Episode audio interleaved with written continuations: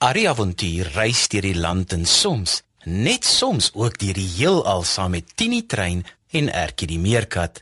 Hy's bang vir niks en saam met sy maats verskaf hulle vermaak aan groot en klein. Klim op maats, die storietrein gaan vertrek. Tini is 'n stoomtrein op sy eysterspoor. Arrie is sy passasier, hy soek avontuur. Die Bybel is hul kompas, dit hou hul op die spoor. Van alles wat met jou gebeur, kan jy by hulle hoor. Ertjie is 'n maatjie, 'n meerkat van die veld. Karosie is 'n stoute aap, hy doen gewone kwaad. Ertjie en Karosie en Arrie ook daarbey. Is almal net so spesiaal, so spesiaal soos jy. Kom nou maat skuif nader, luister bietjie daar. Is dit dalk die Tini trein wat ek daar gewaar?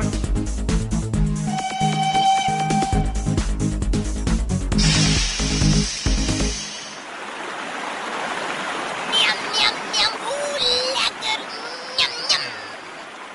Ooh, ekskuus my.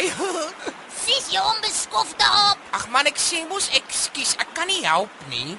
Dis die wurms. Hulle is baie sappiger as wat ek al ooit geproe het. Ooh. Mm, dis seker omdat hulle so opgeswel is van al die water. Ek wonder hoekom al hierdie insekte en wurmpies langs die rivier dood is. Daar was mos 'n ongewone klomp reën in gisteraand se storm, julle. Die rivier het sommer sterk afgekom. Kyk daar, die water is nog steeds baie hoog. En boonop nadat dit reeds vir 'n lang tyd baie droog was. Arrie! Hallo Arrie, wat doen julle hier? Ag, ons ry 'n bietjie deur die park en in die omgewing rondom die park om te kyk of daar skade is na gisternag se storm, sodat ons kan help waar dit die nodigste is. Mm, Is daar baie skade Arrie? Ja, hier en daar, maar nie te erg nie. Wat het die dooie wurms en insekte met die storm te doen, Arrie? sien julle dat die rivier se oewers anders lyk hier as verder af in die rivier? Mm, ja Arrie, Ja. die mense het iets hier gedoen en toe lyk die wal anders. Hulle het die wal sterker probeer maak met klippe en draad sodat dit nie so maklik wegspoel wanneer die rivier vloed nie. En wanneer die versterkte walle baie breed is en dan oorstroom, hou dit die water vir 'n langer tyd vas. Daarom verdrink baie van die insekte en wurms wat in die wal woon. En dan kan ons hulle lekker maklik eet. ja, Karosie, ja, dis reg so. Droogtes veroorsaak baie swaar kry en vloede kan net so sleg wees. Maar as 'n vloed nie oorweldigend groot is nie, is dit nie altyd sleg nie. Uh, dis nou boonbehalwe vir die maklike kos wat jy nou in die hande kry. Arrie, ek is bly oor die baie goggas en wurms. O ja. Maar ek onthou ook hoe bang ek was toe my gat onder die grond vol water geraak het. Gelukkig was ek wakker en kon maklik uitkom. Ja, en die weerlig het 'n tak afgesaan wat amper bo op Ertjie geval het. Ja. Ja, nee, dit is so. Wanneer dit storm en vloed, gebeur daar dinge wat nie goed is nie. Wanneer dit winter is, is daar diere wat onder die grond slaap deur die winter. En hulle gate raak vol water soos joune geword het, Ertjie. Hulle word nie wakker nie omdat hulle baie diep slaap. Oh, en dan verdrink hulle net soos hierdie insekte en wurms. Net so, Ertjie, net so. ai. Baie kan verspoel, mense se huise kan skade opdoen, dreine kan oopspoel en die goed wat daaruit spoel kan siektes veroorsaak. Nog 'n groot probleem is rommel en gif wat mense in hul tuine en landerye gebruik. Dit spoel alles in die drinkwater in en maak diere en plante siek en soms selfs dood. Mm, So, hoe kan jy dan sê dat vloedwater nie net sleg is nie? Dit klink vir my net sleg. Hmm, behalwe vir die insekte en wurms wat ons hier kon eet, natuurlik. ja, ek weet, ek weet dit klink vreemd, maar daar is 'n plan en alles. Rommel en swak dreinstelsels en gif was nie deel van die plan nie. Vloedwater help plante en diere om oor landskappe te versprei sodat hulle nie net op een plek bly nie. Hoe kan vloedwater dit doen, Arrie? Ag, dis maklik. Saadjies spoel na 'n ander deel van die omgewing toe en wanneer die water begin opdroog, ontkiem die plantjies in die nuwe areas en dan groei dit sommer daar ook. Ai, Sommige skaars waterslakke beweeg ook so van een plek na 'n ander plek toe. Dis al 'n manier waarop hulle kan versprei. Die baie water vorm kleiner tydelike poeltjies wat na die tyd oorbly en dan kan paddas daarin uitbroei. Ek weet van voëls wat graag klein paddatjies eet. Hm, Reiers. Net so karolsie. En dit gee dan vir sulke watervoëls ook nuwe plekke om te woon. En ook vir ons. Ja, ja, net so.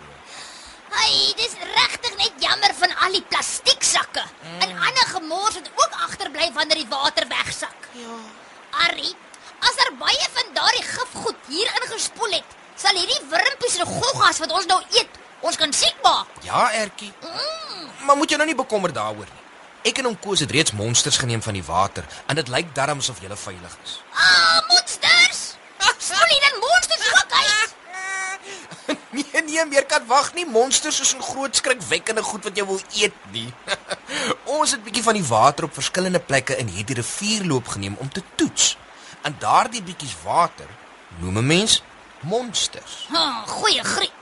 Hoekom sê julle mense nie net wat julle bedoel van die begin af nie, hè? Ja, dis nie altyd maklik om alles te verstaan nie, nê.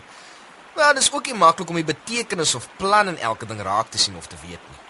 Dit is seker hoe die disippels gevoel het toe Jesus eendag vir hulle verduidelik het wat alles in die toekoms sou gebeur. Dit het nie na baie goeie dinge geklink nie. Die disippels was die mans wat so oral saam met Jesus gegaan het en dinge van hom geleer het, né, Ari? Absoluut korrek, Ertjie. Jesus het hulle vertel van die verwoesting van die stad Jerusalem, dat selfs die tempel vernietig sou word. Nee, dit sou gebeur, Ari. Dit het. Maar hulle het onlangs na baie baie jare begin om die tempel weer te bou. Wat het hy nog vertel, Ari? Hy het vertel dat hy, Jesus, sal weggaan van hulle af, maar dat hy weer sal terugkom om oor die wêreld te regeer. Hy het vertel van oorloë en verskillende nasies wat met mekaar sal beklei van hongersnood en aardbewings, droogtes en vloede. Hy het gesê dat daar mense sal wees wat mense wat in God en Jesus glo sal haat en selfs sal doodmaak en seermaak net vir hul geloof in hom. Hy het ook vertel dat daar mense sal wees wat gaan sê dat hulle Jesus is wat teruggekom het, maar dat hulle vals profete sal wees. Sjoekas, Ari, gaan al daardie dinge nog gebeur? Julle is redelik beskermd hier in die park, Ertjie. So julle weet nie van al die dinge nie. Maar al hierdie dinge gebeur oral oor die wêreld van daardie tyd af en vandag nog. En dit sal aanhou totdat Jesus weer aarde toe kom. Weet ons wanneer hy weer kom, Ari? En, en hoekom moet al die slegte dinge heeltyd gebeur, hè? Jesus het aan sy disippels gesê dat niemand ooit presies sal weet wanneer hy weer kom nie.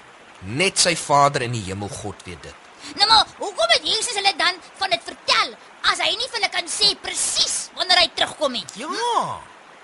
Nou, hy wou hê dat die disippels en almal wat in hom glo moes weet om altyd gereed te wees vir sy koms. Wow. En altyd sal probeer om nie dinge te doen waaroor hulle skaam sal wees wanneer hy kom. Waarom al die dinge eers so oor en oor moet gebeur? Daarvoor het ek nou nie vir jou 'n antwoord nie, Ertjie.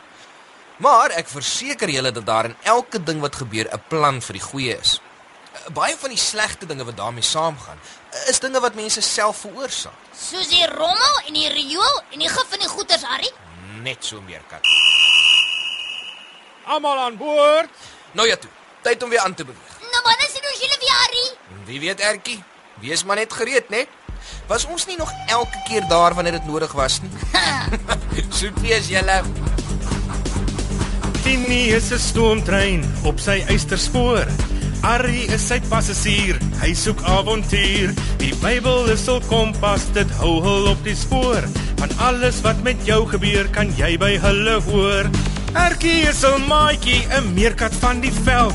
Karosie is 'n stoute aap, hy doen gewone kwaad. Erkie en Karosie en Arry ook daarby. Is almal net so spesiaal, so spesiaal soos jy.